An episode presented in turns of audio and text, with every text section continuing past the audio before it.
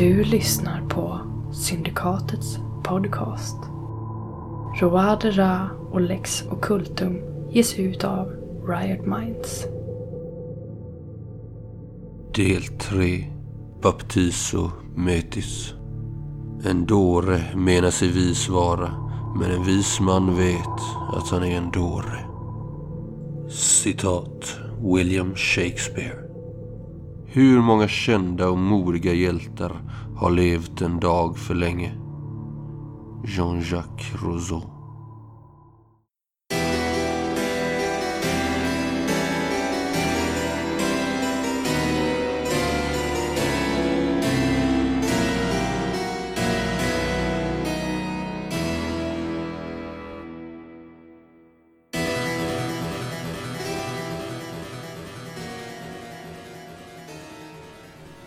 Vet ni vad baptism metis betyder? Döpt någonting? Ja. Eller metis? Döpt det... i uh, förnuft. Ett dop i förnuft. Det är så här ett gammalt ordspråk. Jag tror att metis är grekiska. Faktiskt. Och jag tänker att vi eh, kan väl börja där vi slutade del två. Ni sitter i en droska på väg tillbaka mot Paris. Det är eh, månadsskifte januari-februari nu.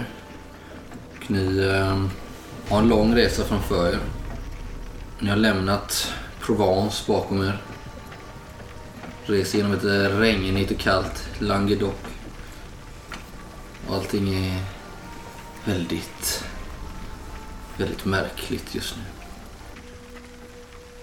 Jag tänker att ni eh, själva kan berätta lite vad ni gör här i eh, den här droskan som körs av uh, unge Sebastian.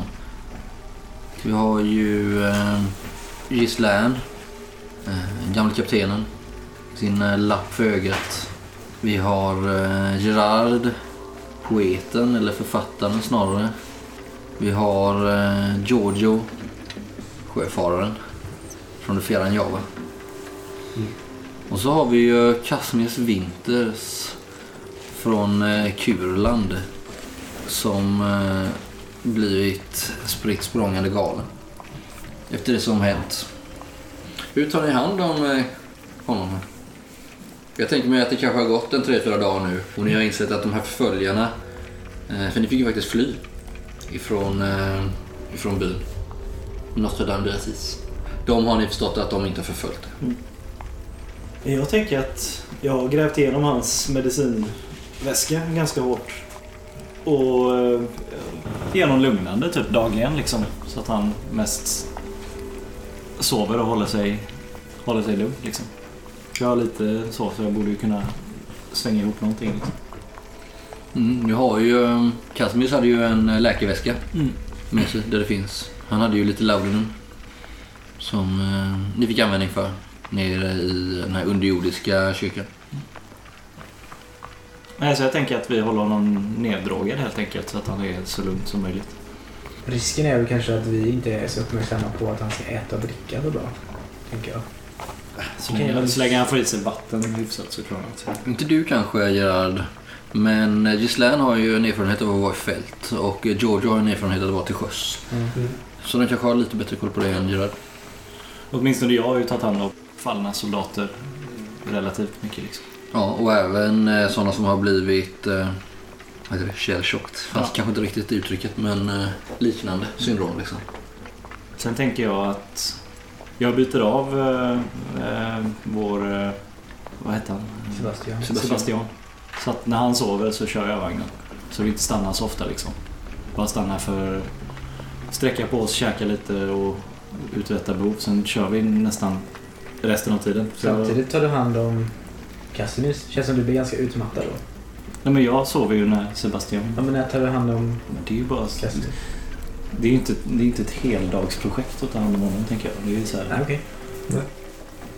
Eh, han sitter ju där, eh, Kasmirs och mumlar för sig själv. Hur är det möjligt? Hur är det möjligt? Hur har de fått ner besten? Hur har de fått plats med honom? Det verkar vara ett mantra liksom som återkommer. Det är där han någonstans... Ni vet ju att det är förmodligen inte det som har fått honom att bli galen liksom, men Det är det sista kontakten med någon typ av normal tanke han har haft och den verkar ha fastnat i honom. Liksom. Han kan inte för sin värld begripa hur de har fått ner den här oerhörda varelsen genom de här trånga korridorerna. Liksom. Jag har väl gjort lite av en sport så att jag svarar lite korta svar på den här frågan hela tiden. Mm. Jag byter ut svaret lite. Den tittar upp från min den här stora boken Mm. och så svarar jag något kort liksom, om hur de kanske gjorde då. Liksom. Vad är det du läser? Jag läser den här stora som vi hittade där nere hos Apkallu. Som hette Transmutaformica. Mm. Av den här tyske författaren Hans Plates. Plåtes. Plates. Ja, så det försöker jag eh, förkovra mig i. Mm. Ja, du har ju gott om eh, tid på dig. Den är skriven på tyska. Eh, det här är ju en eh, kopia då på ursprungsverket som du förstår ska ha kommit ut 1682. Den spekulerar i hur man kan korsbefrukta raser på samma sätt som man avlar fram hundar. Och den här boken är ju fulltecknad med märkliga symboler och kodnycklar och ett antal teorier om vilken typ av andra djur som går att korsbefrukta med just människan. Då. Typ fiskar. Bland annat anses det att det finns starka bevis för att eh, satyrer och kentaurer är bevis för att människan kan avlas med get och häst. Och I ett avslutningskapitel så finns det upptaget ett antal mytologiska före floden varelser som anses vara ytterst mottagliga för avel med människor. Mm. Apkallun är en av dem. Alltså den skulle kunna avla fram... Eller vadå? Med. Med människa? Mm. Så det står uttryckligen om Apkallu där. Ja, i det här avslutningskapitlet som är väldigt spekulativt. Och det är lite så här att innan har den här forskaren, Hans Plåtes, kanske baserat sig ganska mycket på eh, faktiska iakttagelser. Men här är han ganska spekulerande. Du säger att han skriver att som bevis på detta kentaurer och satyrer eller Mm. vad har han för bevis att de har för, eller liksom Nej, det har han ju inte. Nej. Mer än att de förekommer i eh, mytologi? Liksom. antika skrifter. Alltså grekiska. Finns det några slags anteckningar eller någonting som man kan tyda vem som har haft den här? Nej, men du minns att du också intill vid golvet här, på golvet eh, intill den här boken så, hade, så låg det ju dagboksanteckningar Ja, som du hade fått med dig. just det. Ja. Om jag läser igenom dem. Mm. Då står det, börjar, börjar så här. Dag 5.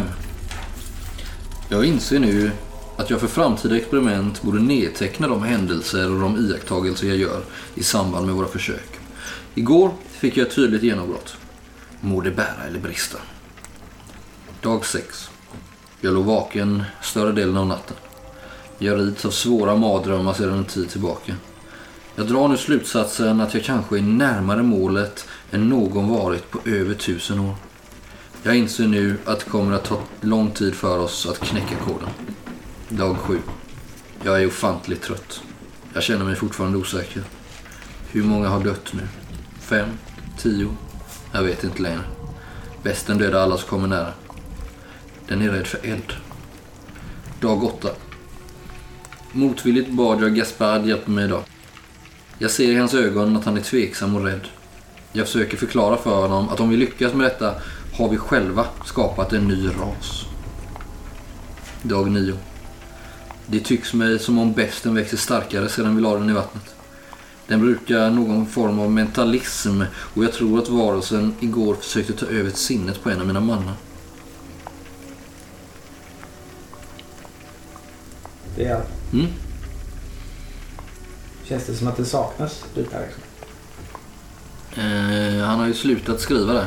Okej, så det är en bok? Eller ett häfte? Eh, det är anteckningar några sidor liksom. Mm. Som en eh, papper han har skrivit på. Va? Sen hittade ni ju eh, brev som vi läste senast. Mm. Som du hittade i Slä Mm. i hans kontor. Från någon eh, stormästare. Och de har vi med oss som bevis på det här med Hannover, tänker jag. Mm. Att de har ett intresse där med. Mm. Eh, Ratu har ju varit ganska orolig senaste dagarna, George. Mm. Ja, Du märker ju att han tog ganska illa vid sig där nere efter det här mötet med Apkall. Han var ju, han var ju rädd, han ville ju inte gå in där. Nej. Det ville inte du heller. Men... nej. Så du har fått eh, lugna honom de senaste dagarna. Hur har du gjort för att han eh, ska återfå sitt lugn? Eller hon är det va? Ja, det är nog. Ehm, jag har ju med mig lite, vad ska man säga, lite, nästan lite kattmynta-aktigt faktiskt. Mm. Hemifrån. Som jag använder för att unga katter. Som jag har använt ganska mycket faktiskt. När du säger hemifrån så menar du? Ja, då, då, säger jag, då tänker jag på uh, Ostasien då. I trakterna kring Indonesien. Java där. Sen är ju det ganska luddigt liksom vad som är en hemtrakt egentligen som jag rört mig sen jag var 14-15 liksom över hela jorden. Då. Men jag har lärt mig ett annat därifrån också. Eh, och det är väl någonting som jag har använt eh, i stort sett som, eh, sen vi kom hit då. Och det verkar ju funka. Ja. Eh, tillsammans med eh, närhet och eh, lite frisk luft så verkar ju Ratu Mm. bli sig själv igen. Mm. Hon är inte så lätt knäckt. Nej, hon är kanske tuffast här. För att Gerard har blivit lite lugnare i hennes närvaro. Sådär. Han, är inte lika, han gillar henne inte, men eh, han eh, hetsar inte upp sig med en gång. Nej. Om inte du liksom eldar på konflikten som du brukar göra. Nej, jag har ju slutat med det nu. Att, eh, Vi har ju varit med om ett och annat du och jag. annat. Så att eh, vi har kanske blivit eh, lite nära sådär. Lite, Förtroliga. ja, Vadå ni två? ja. Gerard har ju inte pratat med dig på typ tre dygn. Ja, men nu kanske vi börjar öppna oss, upp, öppna upp oss lite fram Är det så? med varandra här. Och att Alltså nu har inte jag tid att prata. opposites attract om man säger så. Jag sitter ju och läser min bok nu. Men, Ja, jag jag men det är kul om du ser det på det här sättet. Jag kanske sitter eh, nyfiken bredvid och Ah. kikar vaxen Vad och läser frågar dig lite grann vad läser du? Typ sådär. Därför jag tänker innan... Du delar väl med dig av informationen? Jo, för jag tror jag, jag pratar nog ofta över dig. Jo, men det kanske- Och liksom. det fattar nog inte jag. Nej, nej, så kan det vara. Ja. Så att du tror att du delar i samtalet. ja. För innan vi åkte till fästningen så iggade du väl Ja. honom ganska hårt med tanke på kattgrejerna och det liksom. ja. Ja, där han höll ut mig eh, utanför droskan i, i halsen. Där. Ja, ni har ju kunnat prata sen ni kom till... Äh, sen, ja, mm, ganska ärekränkningen. Mm. Men det är ju glömt nu kanske. ja. Ja, till slut så kanske efter några dagar så ber jag om ursäkt till. Det är ju fint. Ja. Det skålar jag Att jag har varit så brutal med det. mm. Skålar vi då? Ja, Har vi en dricka då? Har vi något kvar? Vi kanske köpte på Ni stannar ju på vägen Det till finns ju grappa överallt. Nej. Italien. Men det är röven som gäller. Ja. Eh, ja. Hur har varit ditt eh, jag val? väljer ju det med omsorg där alltså. Flaskorna. Det är många som inte duger. Men jag hittar nog någon, någon flaska som kan funka kanske. Ta lite grann bara. Och äter gör ni ju när ni stannar. Ni kanske eh, skickar iväg Sebastian någon gång. Köpa på sig lite mat Ja. i någon by. Passerar ju gårdar och sådär också. Men vi bor nära, vi, vi är nära den här floden hela tiden va? Ja, till att börja med så, viker ni av inåt landet. Eh, när ni kommer i höjd med Lyon ungefär. Viker ni av västerut en bit och sen eh, fortsätter ni norrut. Eh, ni kommer ihåg att eh, Casimir hade plockat på sig några böcker också i biblioteket. Man har ju sin rädsel. Han verkar ju inte göra någon ansats till det. Alltså ni får ju leda honom Mm. av och på vagnen och, och sådär liksom. Ibland ligger han och sover i så här 18 timmar liksom. Och ibland så sitter han och bara tittar blint ut. Får man något, kan, har man någon liksom kontakt med honom? Ja, ibland så tror du att du ser honom. Och när han tittar på dig så frågar han Hur fick de ner den? Då kanske jag blir arg och jag skriker åt Jag har ju fan berättat det här hur många gånger som helst. Men ni inser ju att han inte är, han är inte frisk. Liksom. Och det verkar ju inte finnas någon... eh, Ni ser ingen tecken på bättring heller. Den här resan tar ju er eh, nästan tre veckor liksom. Mm. Eh, det är ju nästan... eh, Det är långt in i februari innan ni är framme. Mm. Jag piskar ju på hela tiden. Så här. Gör det väldigt tydligt att det inte är några så långa extravaganta pauser liksom. Utan det Ja, Jag får nog lite vredesutbrott på Casimir. får du det? Ja. Ja. Jag kan tänka mig att Rato går och lägger sig i Casimirs knä ibland. Och spinner lite grann. Och när jag skäller, att, skäller på eh, honom liksom. Jag Mm. känner, av att det är fel. Klagar på att han har försatt oss i det här. Va? Ja men liksom äh, lämnat oss. Ja men nej jag, jag säger det redan. Du menar försatt i, Ja. i situationen att du behöver ta hand om honom? Det, det är lite ologiskt det, det han skäller på om så här. Men det, det händer då. då. Hur reagerar Gislaine på det? Om, jag hör, alltså, om han gör det när jag inte sitter i kuskbocken. Ja, det händer flera gånger. Du hör ju säkert det när du är där. Alltså, Ja, jag, men när han babblar på liksom. eh, Och inte håller käften och... jag ryter nog till om du håller på så. Han har ju inte förtjänat... Det är inte så att han gör det här för att han tycker det är kul. Varför gör han det då? Han har ju uppenbarligen tappat förståndet. Han förstår inte vad det är. Fan, han- hitta det igen då. Ja, du hjälper Hur ju länge till. ska han hålla på så här? Ja, det Du vet ju män eh, som du har varit i strid med. PTSD, jag vet inte. Ja, som aldrig har blivit själva igen. Mm. Och vi ska vara glada om han någonsin blir bra igen. Du har ju hört rykten om folk som får uppenbarelse religiös väg Mm. och sen blir sig själva igen genom mirakel. Men det kan jag vet ju inte om det är sant eller inte. Det du däremot vet det är ju att många som har drabbats av eh, det som flera hundra år senare kommer att kallas posttraumatisk stress får man ju lägga in på sanatorium eller liknande. Ja, jag, jag ser nog nästan... Och de kan ju bli bättre då efter några månader men eh, Jag ser nog honom nästan redan som förlorad. Bara att jag tycker så bra om honom så att jag vill ta hand om honom den Mm. sista... Jo men det gör ju Gerard också. Fast det här är hans sätt att bearbeta sin sorg liksom. försöker du lägga fram den vetskapen för Gerard liksom att han behöver behandling. Nej, eller alltså jag, jag säger väl det. Vi, eh, fast anledningen till att Gislaine skyddar förstår ni ju rätt fort att det är inte för att han är orolig för Casimirs. För där är han ju redan förlorad på något sätt liksom. Utan det är ju att han är orolig för Allard.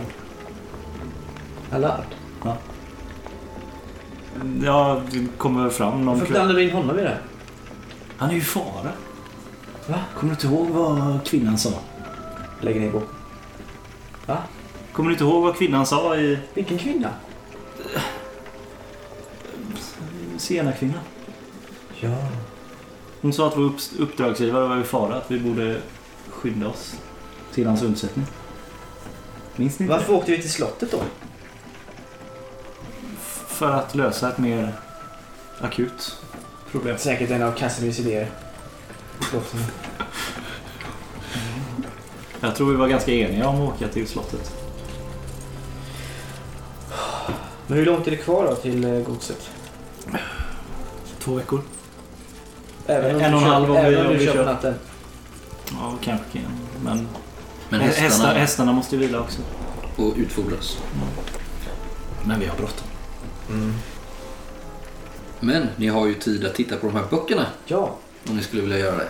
Som ligger i Casimirs länsel. Ja men det gör vi. Ni kanske inte vill det? Jo, vi hoppar det. Tredje gången. Ingen som är intresserad. Nej men jag tittar, jag tittar väl igenom allt vi har. Mhm. Alltså, det känns som att jag, så fort jag slutar lägga ner böcker eller sånt så börjar jag bråka bara. Mm. Så att jag, jag håller mig till det. Så, så Du lägger märke till det beteendet själv. Ja men det är som okej nu, nu, ja, det blir sån stim i droskan här. Inte Eh, att man kanske går och ställa sig någon annanstans, man sitter ju där. ja precis, ni kommer inte ifrån varandra liksom. Så när jag har gått igenom mina grejer så tar jag väl eh, Casimirs grejer. Titta vad han plockade på sig.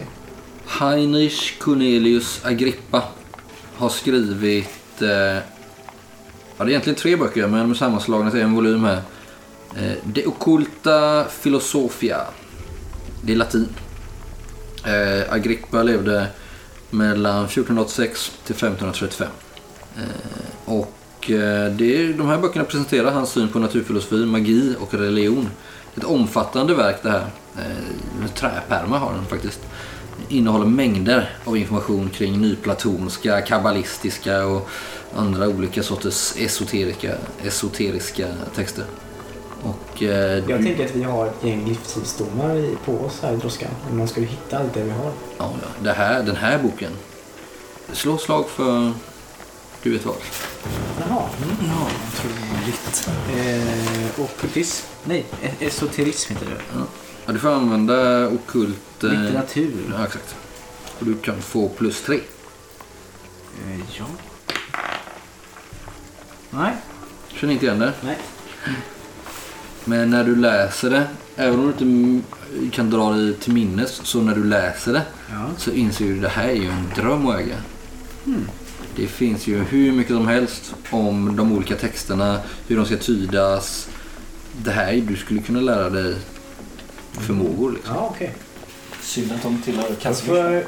De hemliga konsterna. Liksom. jag kan du kan inte skicka med dem till asylet? Det är ju, Jag måste göra något att läsa. Liksom. det är ju både som ett uppslagsverk och som en formelsamling. Liksom. Herregud, det här är ju... De andra har ju som tur var inte kikat på det här än. Men den skulle ju antingen kunna säljas för hur mycket som helst. Eller, om rätt person har den, ge hur mycket makt som helst. Liksom. Om det som står i den är sant. Du vet inte, du kanske behöver höra dig för liksom, men du kanske ska vara försiktig. Ja. Du tror någonting säger dig att du inte ska säga till vem som helst att du sitter inne på det här verket. Liksom. Nej. Det gör jag Och inte. det ser ut på latin. Ni andra ser ju bara en trä, eh, trärygspärm med snirkliga mönster och eh, väldigt eh, påkostad och fint ser den ut att vara. Men hade han fler böcker så kan vi dela upp det så vi inte en person läser allt. Liksom. Så har vi en som är på tyska. Det kan jag inte läsa. Ja, jag läser det också. Den heter Transmutationsvariabler av varelser. Den är skriven av eh, Paracelsus. Hm. Tänker du för dig själv vilket lustigt sammanträffande. Paracelsus var ju nämligen den person som uppfann laudanum. Som du eh, av en händelse precis räddade livet på Casimirs med hjälp av. Eller hur? Och det här känner ju du till för att Paracelsus är ju vid den här tidpunkten ett jättestort namn. Eh, var schweizisk eh, naturfilosof. Jobbade väldigt mycket med, eh, med medicin och eh, extrakt, gifter, vetenskap. Allt möjligt. Eh, alkemist, mystiker, allt möjligt. Och det här eh, verket beskriver ju hans resonemang om eh, man skulle försöka korsa olika raser. Transmutering kallar han det. För att avla fram nya. Och då finns det vissa discipliner som man borde använda sig av för att lyckas. Och i ett slutord så är han dock väldigt skeptisk till att detta kan lyckas eftersom han menar att naturen är en gudomlig helhet. Boken är daterad till 1533. Och då sa han är död och begraven sedan länge. Ja, ja visst. visst, visst. Eh, ja, precis. Det är ju, han, det är ju en renässansmedicin. Eh, är ju, var ju han känd som. Gjorde väldigt så. Det är den tyskspråkiga delen av renässans.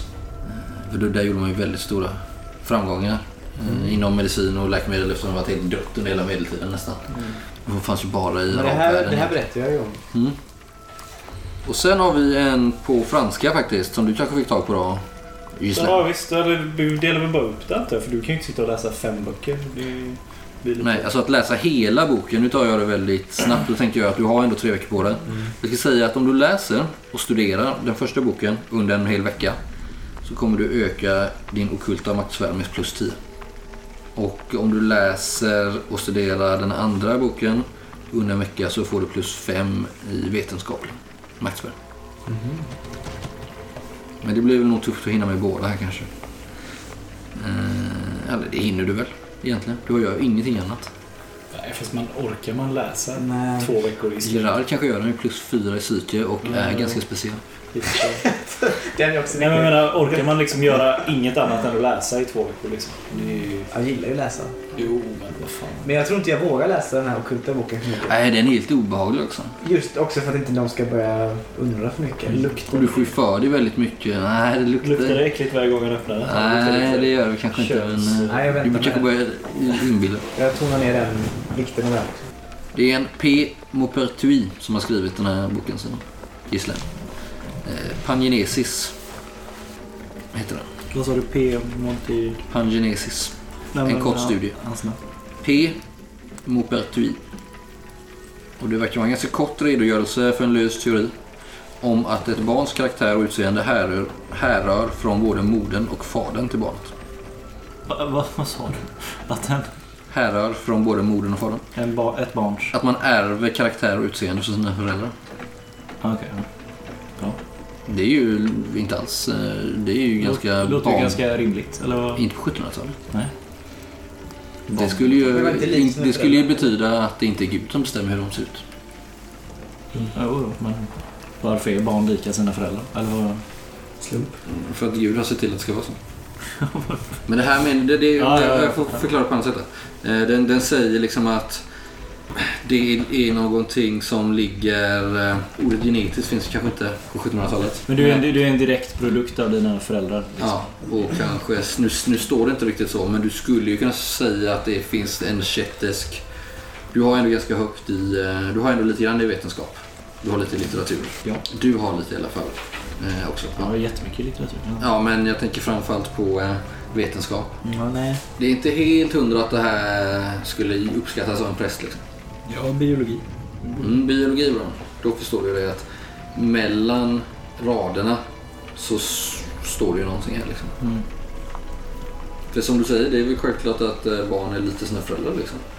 Men det här eh, föreslår ju någonting annorlunda. Ingen divine intervention. Utan Men är- Det står inte så rakt ut, men du kan läsa det mellan raderna om du är lite skarp. Liksom. Alltså allt som vi har gått igenom nu, då känns det ju det här som... Den här boken känns ju rätt light Ja. med, jämfört med... Om är för varandra mörka... Eller är det bara vi som inte kan ta in... eh, Nej, allt det här säger ju lite samma sak egentligen, börjar ni känna nu. Ja. Det finns en röd tråd här. Någonting av att alltså... Ja, eh, men den här, det som skiljer det här verket är väl att eh, du får för dig att den skulle kunna vara ganska nutida liksom. Ja, det, det är ingen datering på det eller? Vad? Nej, men den ser ganska nytryckt ut. Kan man känna till namnet på den här personen? Eh, Du har väl omvärldskunskap? Det står i alla fall. Kanske känner till namnet. Jag har ju lite personkännedom i Europa. Ja. Eh, Ni får gärna slå mot det då. Ja. Ni kan få minus tre, för det är ingen... Jag har Ja, en tvåa. 16, så då blir det 13 då.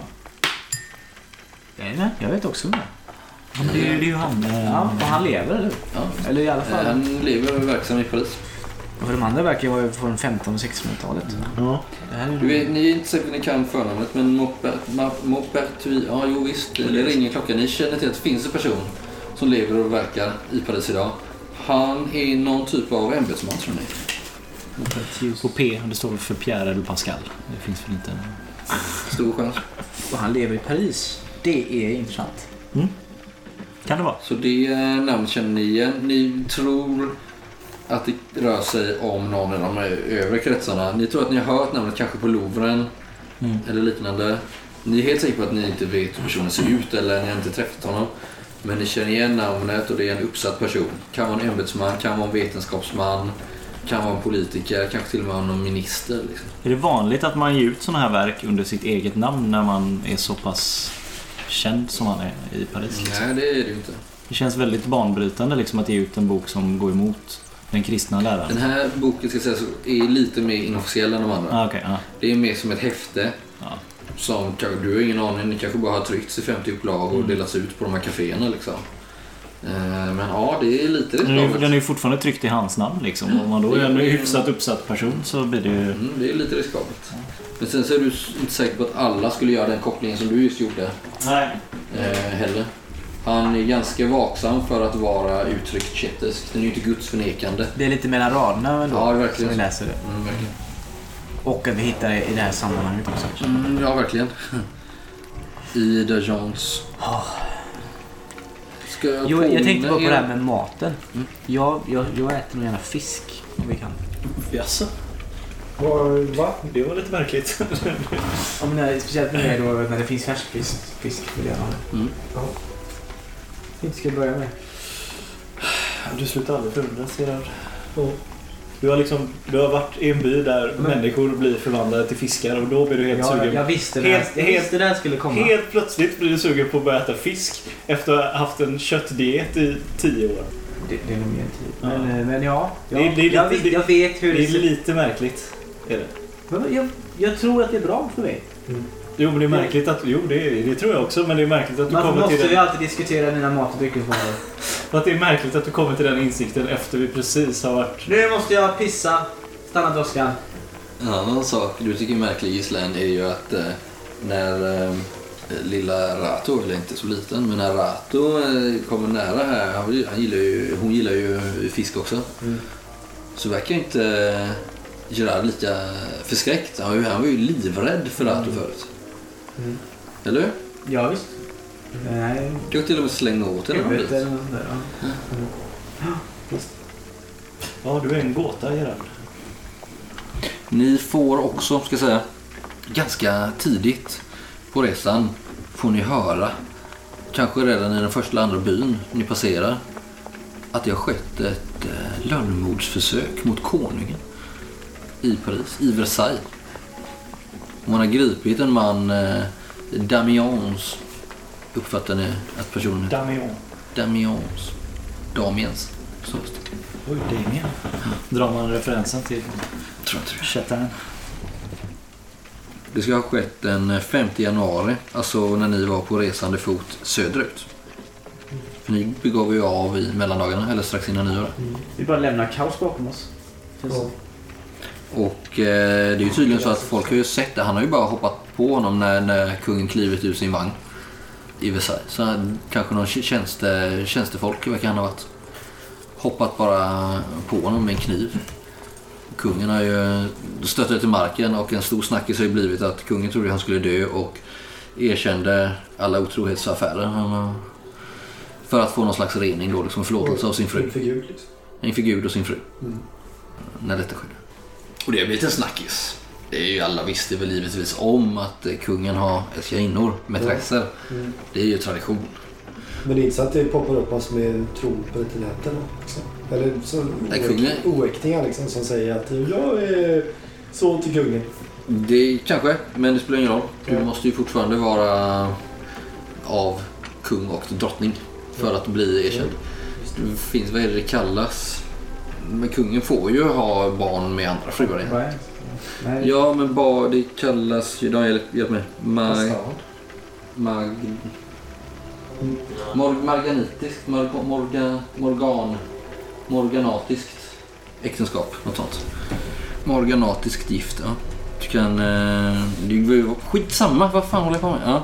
Han eh, har i alla fall erkänt allt, allt, eh, alla sina otro, otrohets... när han låg på dödsbädden där. Ja, fast han, låg, han, han var ju aldrig hotad.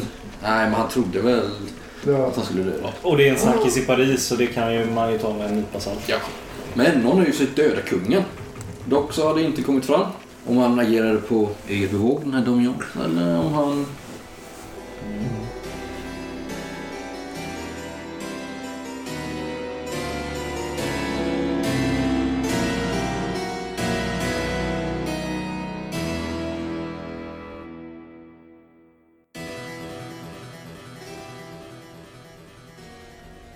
Till slut, efter nästan tre veckors resa så eh, kommer ni ju till slut fram till Alards gods. Vilken tid på dygnet är det? Jag tänker att det är mitt i natten. Vad är det för väder? Blåsigt. Kallt. Det är fortfarande februari, slutet på februari här någon gång. Och ni ser den här allén som leder eh, upp. Det ligger lite utanför Nemours, heter ju byn. Eller staden. Så lite utanför där ligger det här härliga pittoreska godset. Kan det vara så här sjukt lerigt? Ja. Regnat i flera dagar liksom. Så det är bara som gyttja man kör i. Väldigt fint. Det sägs ju att stengrunden är ju från antik tid. Eh, man har slagit upp lite marschaller här utanför. Det ligger ju också i anslutning till eh, Lards eh, gods. En liten laggård och eh, ett eh, litet stall. Och man har ju ansträngt sig för att få det väldigt så här pittoreskt och eh, mysigt. Så ni vet ju det att han har en laggård där med, med ett par kor. Eh, det går lite gäss och höns runt här. Men det är upplyst nu eller? Ja, det står lite marschaller här ute men eh, det är eh, väldigt så. Det, ser ju, alltså, det är ju nedsläckt i, i salen och i eh, matsalsrummet och det brinner bara några i något fönster på övervåningen och sen så, så ser i källarvåningen, ni vet ju att eh, tjänstefolket bor ju i källaren. Liksom. Jag tänker att vi, vi rider in på borggården jävligt snabbt. Packar ur vagnen Mm. och... Det är ingen borggård riktigt, men jag förstår vad du menar. Ja. Men det är, tänk, tänk dig sån här romersk allé som leder upp till det här huset. Mm. Den har ingen eh, fortifikation liksom. Nej, men jag tänker att det kanske, är, eller så. det kanske är någon liten så här Men det är ju en trädgård. Ja, ja, men precis. Och sådär. Alltså, så här, Med häckar och eh, skulpterade Så träd och eh, buskar och sånt här liksom. Ja, och det Vackra finns ju någonstans att ställa vagnarna på. tänker jag. Exakt, en liten eh, inneplan där kan man säga. Så. Så vi stannar väl till där, packar av alla våra grejer. Mm. Och sen skickar vi iväg eh, eh, Sebastian. Sebastian jag hans namn. i sporrsträck till Paris för att liksom se till att eh, vår vän får den bästa hjälp han kan få. Är ni andra med på det? Nej, vänta nu. Vi vet inte någon är här ju. Det lyser ju. Eh, En slå upp, den eh, slå upp, eh, ni ser ju här, ja vi har en bild på Allards hus. Den här delen. Det är, där. det är ganska stor nästan trappa och altan upp där man kan stå. Och här ut i den eh, mittersta dörren här så eh, kommer ut en man som ni känner igen som Fabian. Det är han som eh, styr över hushållet liksom. Han, eh, han är inte riktigt eh, klädd så som eh, de brukar vara. De har ju givetvis ganska fina uniformer nästan. Ja, utan han har ju bara en skjorta, så här puffskjorta och eh, sina vanliga... Ja, och sina trekvartsbyxor och så. Eh, och, och kommer ut där. Han är ganska eh, lång och atletisk man det här liksom. Fabian. Ni har ju träffat honom tidigare. Och ni, han är högrest och stark liksom och han driver det här hushållet med fast hand. Du vet, ni vet att han är inte är den kvickaste i huvudet liksom men eh, han har ändå ett varmt hjärta och en osviklig arbetsmoral mot sin eh, herre. Så mycket har ni förstått sedan tidigare. Och han kom ut där och han håller ett eh, ljus i handen. En en ljushållare så. Eh, Vad fanns? Ja, kom- vem kom i natten? Ursäkta den sena timmen. Vi är tillbaka. Har ni alla med er? Va, va nej? Var Vi är han? antog att han är här. Han har inte kommit tillbaka sen. Från var? Nej, Från eh, ja, England skulle han väl till. När skulle han vara tillbaka? Ja, han borde vara, vara vilken dag som helst. Vi har fått brev att han, eh, när han steg i land i Calais. Och eh, han, eh, han borde kanske vara i Paris nu i alla fall. Han har varit i Frankrike ett tag så vitt vi vet och han försöker nog eh, uppbåda, han jobbar på någonting. Jag vet inte vad. Men jag är orolig för honom. Det Men tror du han är i Paris nu? ja, om han inte redan är på väg hit. Han har, han har skickat eh, bud till er i alla fall. Jaha. Mina herrar. Jag, han kommer ner där och eh, ställer ljuset på kuskbocken. Eh, Låt mig hjälpa er att lasta av. Ja, kan, kan du ta uh, vår vän Casimir först? Han är lite illa däran. Vad ska jag göra Men ska vi inte skicka honom till Paris? Ska vi göra det? Kan han inte sova här en natt? Stackarn. Tror han behöver hjälp så fort som möjligt. Jag tror inte vi kan hjälpa honom nu. Fin, finns det någon hjälp? Ja, det gör det. Men inte här. Jag tänker att en natt på en säng. Du vill inte säga att du har förberett ett litet brev till ryska konsulatet? Jo, absolut. Beskrivit. Inte exakt kanske vad som har hänt, men alltså beskrivit att, han, var det. att, han, att han lider av någonting som jag har sett många gånger förr i, i, min, i mina år i armén. Att han Mm. har någon form av liksom... Jag beskriver posttraumatisk Mm. stress fast inte med det- de orden. Okej, jag vänder på det. Vi säger så här. Tänk på stackars Sebastian. Han förtjänar en nattsömn i säng. Eh, Det, det är ingen fara än. Eh, Jag lyder kaptenens order. Men det är ett dygn till Paris typ, eller vad var det? Men det, Det är ingen fara. nej, men han har ju klarat sig så här långt i veckor. Vad, vad gör en natt till? Ja, men det är på grund av att eh, jag har medicinerat honom. Och det är inte bra i längden heller. Och laudanumet börjar ta slut. Vad, vad gör det för nytta att han stannar här ett dygn menar du? Jag är orolig för honom. Jag med. Det är därför jag... Han är i goda händer. Kan jag försäkra m- m- Monsieur Dufort om. Sebastian, du, du, är, du är, ja, du är bra på att lyda order, men du är ingen eh, tänkare. Tyvärr. Vi behöver ingen tänkare. Vi behöver någon som kan Det kan köra hända en vad som helst på vägen. snabbt och det är Sebastian. behöver en handlingskraftig man. Ursäkta. Han är blivit litar nedslagen ut här på orden. Jag litar på unge Kan vi Sebastian. inte Han, har- skicka han, har efter bara? Jag har faktiskt fått brev från DuPont. Oh, han, har ju, han har bara... ett DuPont. Ja, låt mig tala till punkt här. Inte till dig. Han, har, har Sebastian bevisat någonting som säger att han inte kan lösa det här? Jag tycker snarare tvärtom. Han hade kunnat fly för länge sedan från oss. Vi var borta i fem dagar. Kan, kan någon av er förklara det? Han växer. Vad hände de fem dagarna? Lugna ner dig, du väcker tjänstfolket. Det, det, skit i det. Nu kommer du tänka på det. Har inte ni funderat på det? Vadå? Vad hände? Ja, det vet väl alla? Vad då? Ja. Vi var borta i fem dagar. Det kändes som fem timmar. Oj. Du börjar spotta mig i ansiktet. Ja, ja, ja. Riktig hårtork. Ja.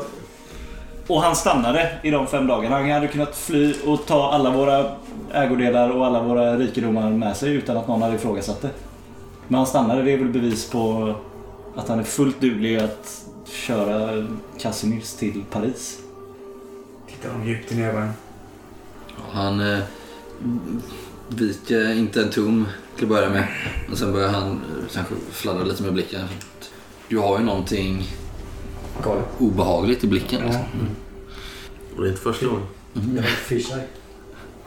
Just det. Ni, eh, på tal om fisk så har ju, nu minns ni ju att eh, Casimirs, ni har ju dratt upp någon sån där kravatt högt upp på hans hals för han har ju börjat utveckla gälar. De stannade ju ganska tidigt när han fick eh, själshjälp av prästen där. Ja. Och sen så på skulderbladen lite, lite, lite antydningar till fjäll. Kanske måste fukta hans hals ibland lite grann. Katten Annars börjar, annars börjar han fjälla. Han kanske luktar gott, tänker jag. Luktar gott. Ja. Ja, du tycker han luktar fruktansvärt gott. Och eh, Ratto, Ratto vill gärna snusa honom Men jag, okej. nära halsen. Så Jag, jag går och ger Casimirs en kram då. En, Oh. Ganska länge sedan. Jag kommer sakna dig min vän. Innan de kör honom till asylen. Hoppas du hitt- hittar svaren du söker. Hur fick de ner den där? Den där bäst. Jag ger honom den sista dosen av eh, laudanummet. Så- Innan han somnar in så säger han, han kanske var liten då. Sen, Och sen klappar han på huvudet. Lycka till Sebastian. jag går fram till Sebastian. Mm. Han ställer sig upp framför dig. Jag litar på att du löser det här med bravur. Gör mig inte besviken. Så ger jag honom brevet. Han eh, slår ihop eh, hälarna och eh, bugar lite. bugar. Ska bli kapten. Jag ger honom kuvertet och några daler. Har du någon beväpning nu då? Du är helt själv. Det är oroliga tider. Han eh, har eh, en pistol. Det är bra. Jag ger honom fyra daler, vilket är sjukt mycket. Men eh, Han blir helt såhär, oj. vi har ju packat ut typ allt i vagnen. Mm. Och jag har kollat igenom Casimirs kläder så att han inte... Så att Det är han inte okej. nej men så, jo men han har ju med sig sina vanliga ägodelar men så han inte har liksom... Vad hade du mer för grejer? Så han inte har... Vad Något som du det? får behålla Jag kanske? hade ju en matchande Ma- Marquis snusdosa och du Sads manifest i bröstfickan liksom. En ypperlig tung pistol. Eller lätt kanske. Ja, men sånt, sånt skickar jag ju med, det är ju hans grej liksom. Men, så att han inte har några känsliga dokument på sig liksom. Ja precis, så de, de bara hänger honom Har, först. har, du, har du det på din person, den eh, dokumentet som om eh, falskkonungen och doktormanifestet och allt det där liksom? Nej, det gick han inte runt med på slutet där. Men har alla det då? Eller vem fan har det liksom? Men vi har väl Kanske ligger på kontoret. Alltså Mm. på akademin. Ja, men ni ser till så att han inte har några känsliga handlingar på sig. Ja. Sen så, är det iväg. Mm. Han rider iväg.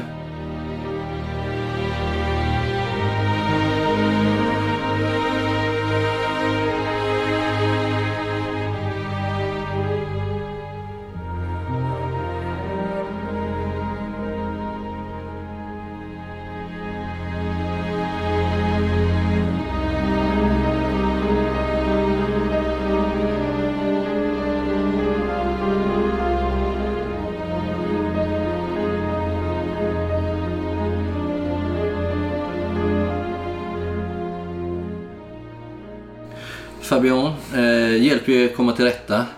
Inrätta er här.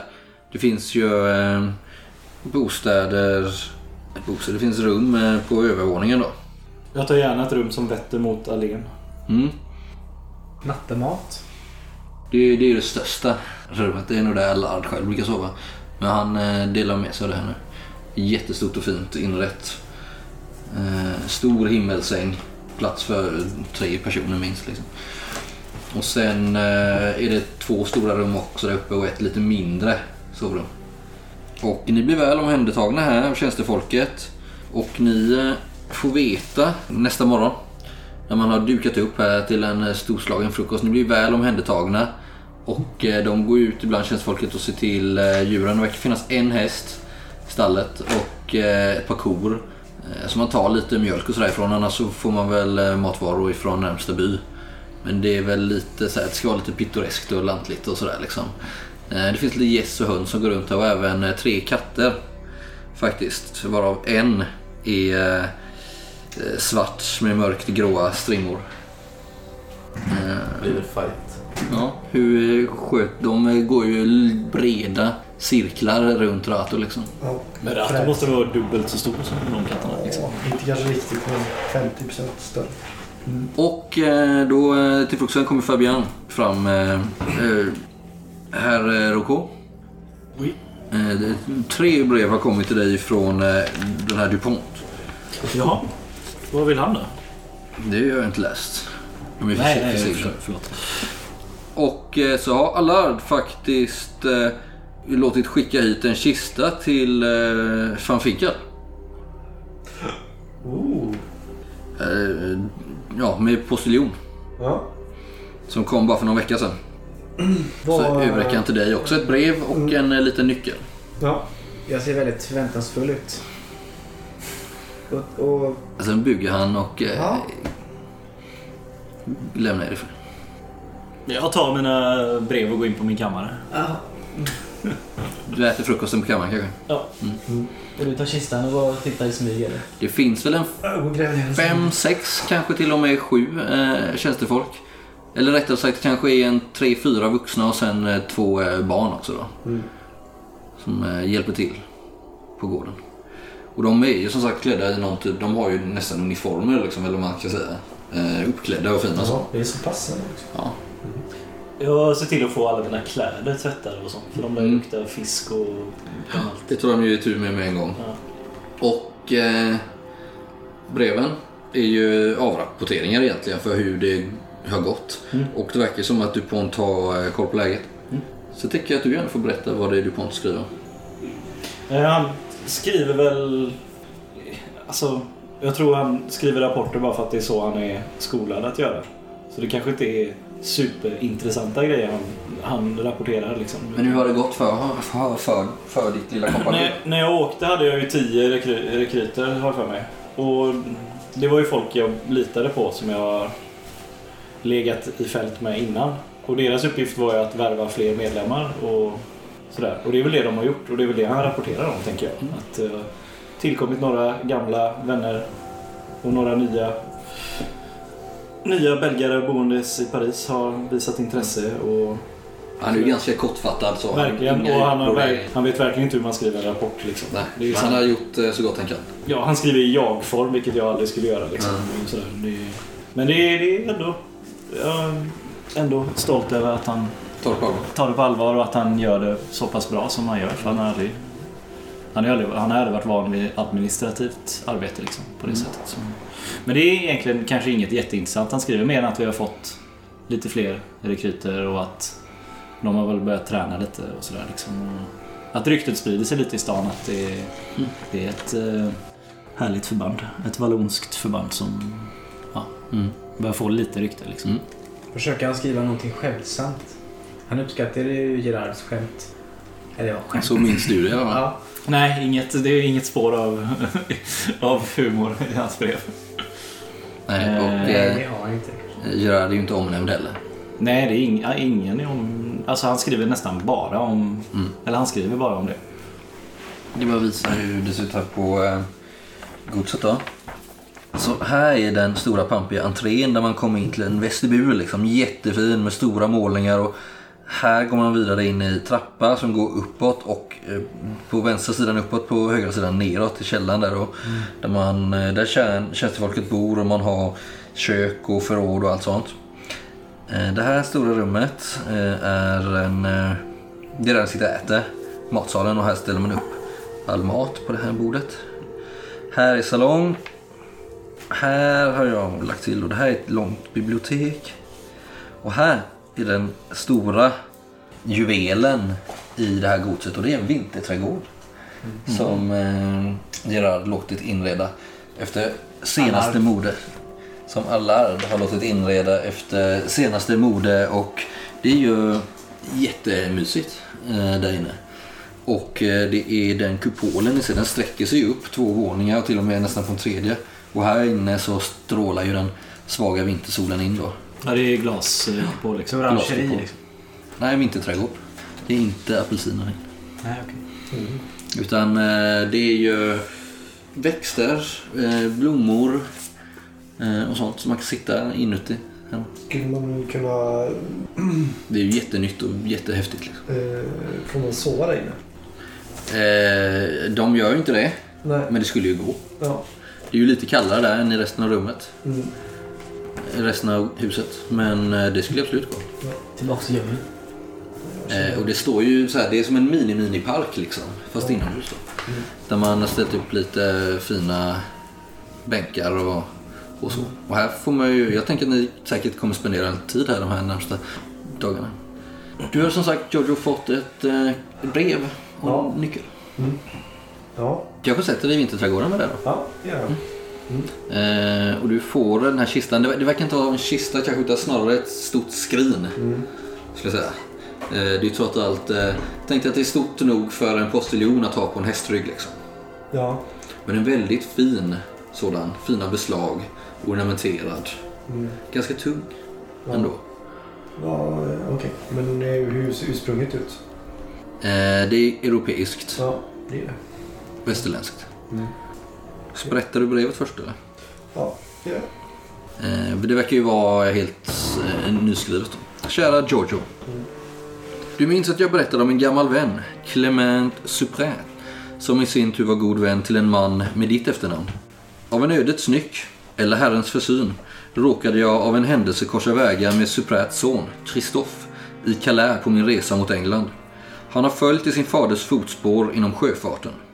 Jag berättade för honom att jag lärt känna en van Finkel och den gode Christophe gav mig ett skrin, det jag nu skickat till dig, med gamle van Finkels tillhörigheter som Supra förvarat av okänd anledning. Du som avsändaren är ju Allard. Ja.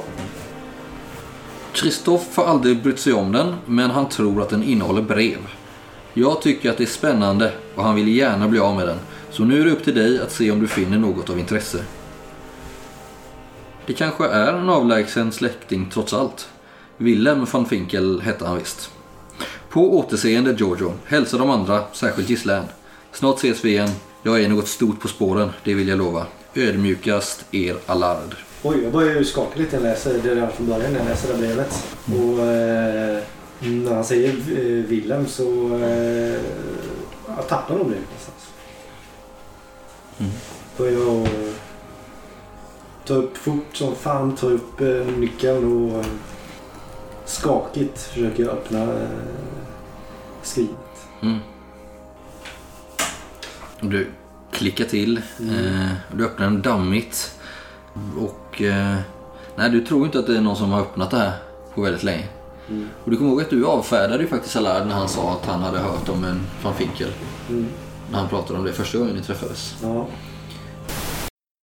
Giorgio, vad var det du hette? Van. Finkel? ja, just det. Det ska jag säga att jag kände via omvägar en van Finkel eh, från tiden när jag var till havs. Faktiskt. Det är nog ingen, eh, finns nog ingen eh, koppling där till mig. Jag kan tänka mig. Nej, nej, nej. Det... Men det här Willem. Ja, William är ju min, eh, min faders namn. Helt enkelt. Som jag eh, aldrig kanske riktigt lärde känna. Eftersom jag var så ung när han eh, gick bort. Kan man säga. Har du någon minne av hur han såg ut? Jo, men det har jag. Han var ganska eh, tunnhårig. Så han använde peruk oftast då liksom? Ja, det gjorde han. Eller kanske inte brydde sig om när han var till sjöss? Ja, kanske inte när han var eh, hemma med familjen sådär. Så var han nog ganska lös och ledig.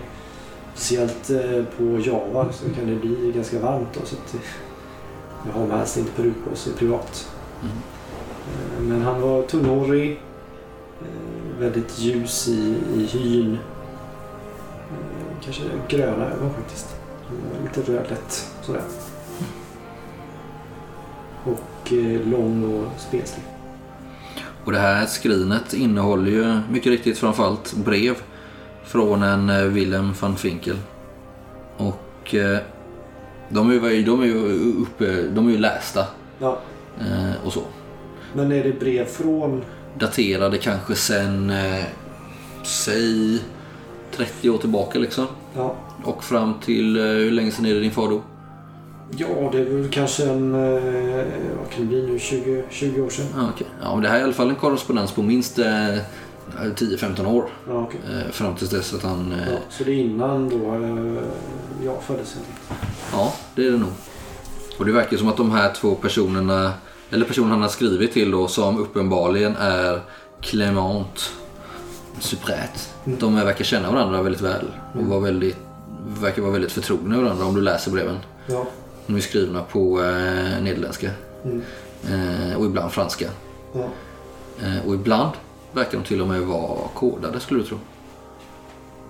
För det finns eh, stycken som inte alls eh, make sense liksom. Mm. Det finns ingen nyckel, nej. Eh, nej, men jag tänker det finns det några omnämningar om eh, Ostindiska kompaniet? Ja, absolut. Han jobbar ju för dem under den här perioden liksom. Mm. Eh, båda verkar väl ha samröre med dem. Ja. Det verkar som att de... Men är det affärsmässiga brev eller privata brev? Ja, både och. Okej. Både och. Och eh, mycket så... Eh, mestadels är det ju privata. Mm. De verkar ju ha en affär tillsammans eller något men de verkar också vara förtrogna vänner. Och det verkar som att de delar någon hemlighet som de bara vagt omnämner. Och som sagt vissa grejer är ju kodade också. Mm. Eh, det finns faktiskt också en eh, berlock med eh, Willems porträtt. Så där han ser ut precis så som du beskrev. Mm. Och en hårlock faktiskt. Oj. I den här burlocken. Mm. Samt en mask föreställande den javanesiska gudinnan Devi Sri. Mm. Känner du igen? Mm. Det var den bilden jag skickade till dig förut. Mm. Mm. Och du vet ju att det är ju fertilitetsgudinnan. Ris och fertilitetsgudinnan. Mm.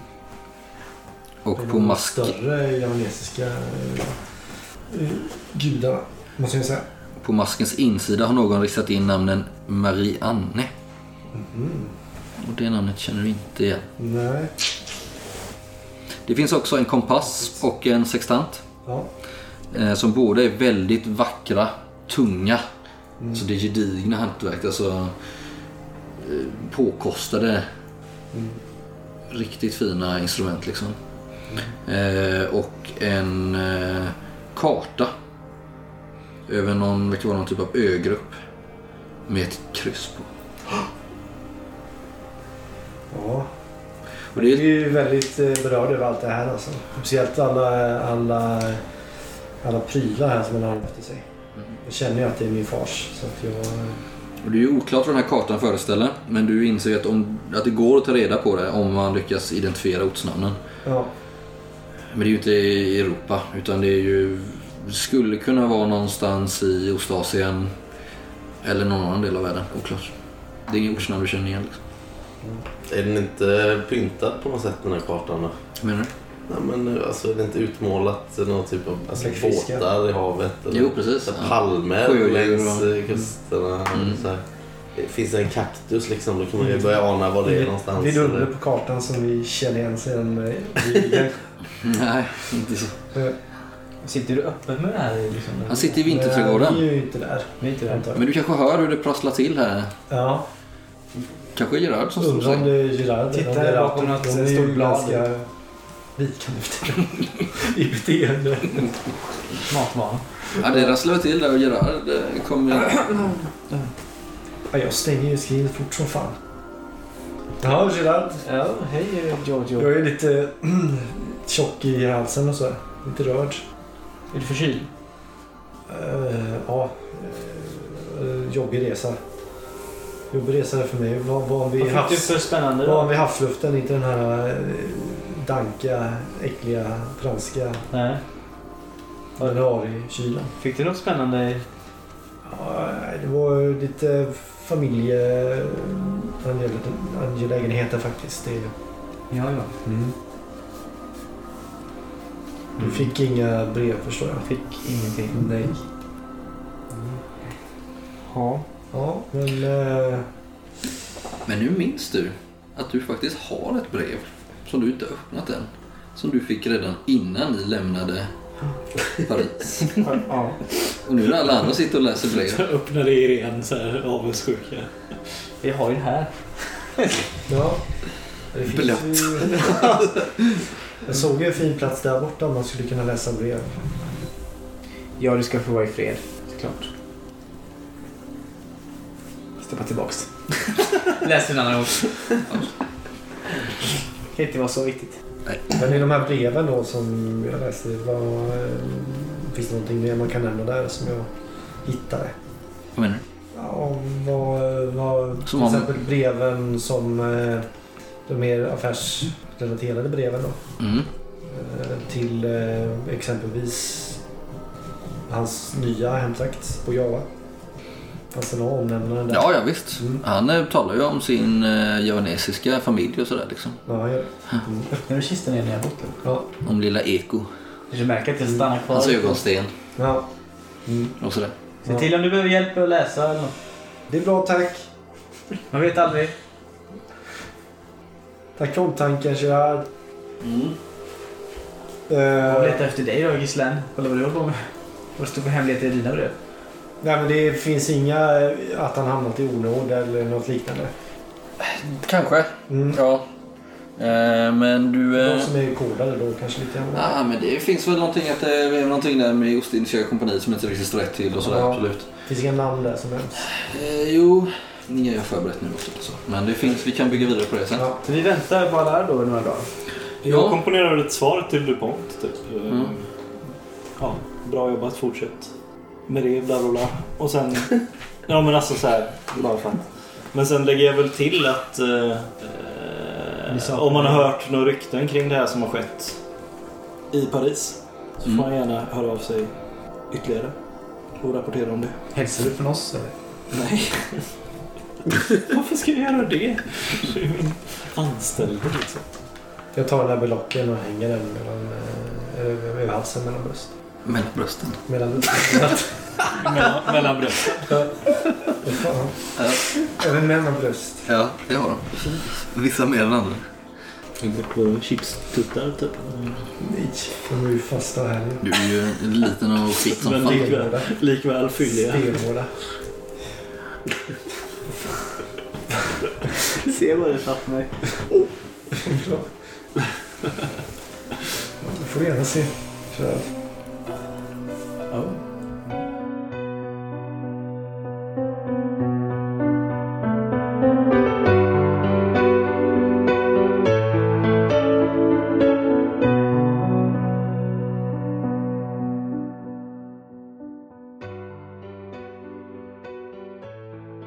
Mm. Men ni spenderar eh, tre dagar här i Allards gods och ni är ju lite nervösa. Eh, efter allt som har hänt och sånt som kanske komma skall. Eh, ni är lite oroliga för Allard. Kanske Gislaine mer än ni andra. Men trots det så är det ändå ganska eh, gemytligt här på den här gården. Det här godset och ni blir Och väl kanske omhändertagna. återfå lite livsglädje.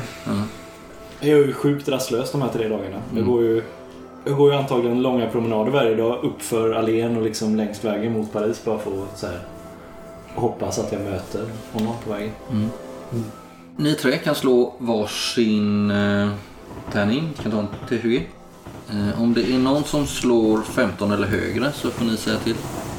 Uh-oh. Nej. Det är ingen som gör det för att avgöra vad ni... 15. Då säger jag till. Ja, du är faktiskt utomhus en dag medan de andra är inne. Du kanske har varit på dass eller bara tagit en promenad i nejderna en eftermiddag. När du ser långt borta i den här allén hur ett stort dammoln rivs upp där fälten slutar. Och du ser en man på häst i vild galopp jagas av ett följe till häst. Och de här förföljarna bär svarta slängkappor och höga svarta ridstövlar. Du ser en av de här förföljarna avfyra en pistol mot den här ensamma mannen. Eh, missar med en hårsmån och jakten fortsätter. De kom upp på den här stora esplanaden eh, som leder fram till godset och eh, du ser att eh, mannen som är jagad, det är Allard. Han ser vettskrämd ut. Och du ser att de som jagar, de rider alla på svarta hästar. De bär svarta masker som skydd för ansiktet. Ännu ett pistolskott och Allard och hans häst eh, faller ihop i ett moln av damm och grus. Rullar runt på marken och det stora följet stannar upp. Jag, jag, jag springer dit. Ja, det är ganska långt. Och du är obeväpnad och de är säkert eh, fem pers. Och jag springer till dem, till godset. Spring in igen. Hjälp! Du ser, eh, om du slänger en blick över axeln, hur eh, en eh, man sitter av sin häst och går fram till Allard. Och sticker sin värja djupt in i bröstet på honom. Du ser hur eh, mannen eh, böjer sig ner och tar något ur Allards rockficka innan han kastar sig upp på sin häst igen. Ser någonting med hur de ser ut liksom? Inte med det, de sagt, inte med det jag beskrev. Du ser hur de tittar, stannar upp, tittar på det. De kanske är bara 100 meter bort liksom. Och sen så sätter de av i full galopp. Över fälten. Ja, då springer jag till Allard. Slå allihopa ett slag mot perception för att se om ni har uppfattat. Ni har ju säkert hört eh, skotten. Liksom. Jag skrek på hjälp också. Jag sitter djupt försjunken i mina egna tankar. I... Ja, George George. ser nog det där uppifrån Vinterträdgården kanske. Det finns säkert Nej, den ser på baksidan. Nej, du sitter ju inte i. Kolla här. Du sitter förmodligen här nere. Man sitter här nere. Kanske man ser. Den här, han kommer ju härifrån. Du är ju på baksidan och sitter i vinterträdgården. Ja, okej. men då kanske inte gör det. Men du hör i alla fall ett skott i fjärran och du hör hur eh, din vän eh, Girard ropar i panik. Liksom. Fabienne kommer snart ut. Om inte Giorgio hinner före. Ja, jag springer så fort jag kan nu då, mot Allard. Försöker, är det någon livstecken kvar i han eller? Den stackaren bärgaren i... Det verkar inte finnas något du kan göra. Han verkar tyvärr vara död. Jag tänker snabbt, innan de här kommer nu de andra. Så försöker jag ta en bit av hans hår. Ja. På något bra ställe bak till. Där det inte syns så väl. Liksom. Ja. Rycker du bara loss det? En kniv liksom. Ja. Mm. Och, och stoppa på mig det. Fabian kommer fram rusande strax därefter. Jag sitter och skrek. Gerhard! Gerhard! De var fem, fyra stycken. Vad är det som har hänt? Män på svarta hästar och... Mi- Monsieur Alvier! Monsieur Alvier! Han sätter sig försöker skaka i honom. Driver upp hans skjorta liksom. Bara väljer ut blod överallt. Han ligger livlös. Det är för sent. Vem var det? Vem var det? De red ditåt. Han, först höll han på att börja springa efter. Sen så bara... Mot, Nej, nej. mot, springa mot stallet liksom. Du kan inte... Du kommer aldrig hinna ifatt. Han har redan sprungit därifrån. På väg in mot stallet. Men hästen är ju inte förberedd liksom. Så han, han slänger upp på en sadel och sätter sig på den. Men det verkar ju redan vara för sent. Jojo, går du ut eller? Den här hästen, är den uh, vid liv eller? Hans häst? Ja. Ja, den är väl Kan jag lägga upp uh, Allard på den? Ja. Så jag kan bära tillbaka honom. Och hans grejer. Ja, han är ju rätt stor och tung och du är ju ganska liten och klen. Men en kraftansträngning i det här... I det här ja, det klarar du. Okej. Ser man eh, dem rida iväg nu på, i fjällen? Nej, du ser bara långt, långt bort dammoln liksom över fälten. Ja, okej. Mm. Jag springer bort. Jag springer bort till dig. Han kommer där med... eh, Vad är det som händer? Vad är det som händer? Så nu hör ju du också att det blir typ Ja, Mördad! jag rent eh, instinktivt tar jag min pistol och värja och typ går ner och... Eller går ut på balkongen och kollar vad det är som händer eftersom jag är på andra våningen. Typ. Jag såg dem mörda honom. Ja, ja. Vad försiggår där nere? Allard är död! Vad säger du? Jag, jag kollar. Jag kommer alltså, bärandes på Mycket han med riktigt. hästen där. Ja, han... eh, Mycket riktigt. Alla vara död. Jag rusar in och ner för trapporna.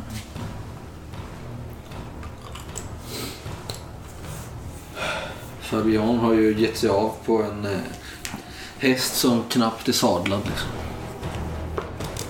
Ja, han har sprungit Han rider iväg. iväg. Han försöker. Efteråt. Ja. Känns ju lönlöst. Jag har ingen aning om någon slags ryttare eller Och Det måste vi, då måste vi tänka klart här. Jag kommer, väl, jag kommer ner. Jag har ju inte fattat någonting. Ja, det död. Det kan inte göra någonting åt det. Kärnan kommer ut på den här stora trappan och alla faller ju ihop där och börjar gråta liksom intill eh, Allards döda kropp. Jag, jag kollar på hans lik. Liksom. Han blöder antar jag. Ja, han har ett stort sår här mitt i bröstet. Du hörde vad jag beskrev. Jag har sett tafatt håller för det i ren så här chock. Känner ju efter hans puls eller livstecken men det verkar vara... Han verkar ju ha fått sitt liksom, hjärta genomborrat av berget. Fyra, fem ryttare. Som, som, Vart då? precis här utanför. Som, som jagade honom. Vart, vart, vart tog de vägen då? De led iväg. Finns det fler hästar? Ja, det är väl om ni hade några. Nej, den, de tog ju Sebastian. Vi måste ge oss efter, eh, oss efter dem. Det hinner aldrig ikapp. Nej, jag tror inte det heller.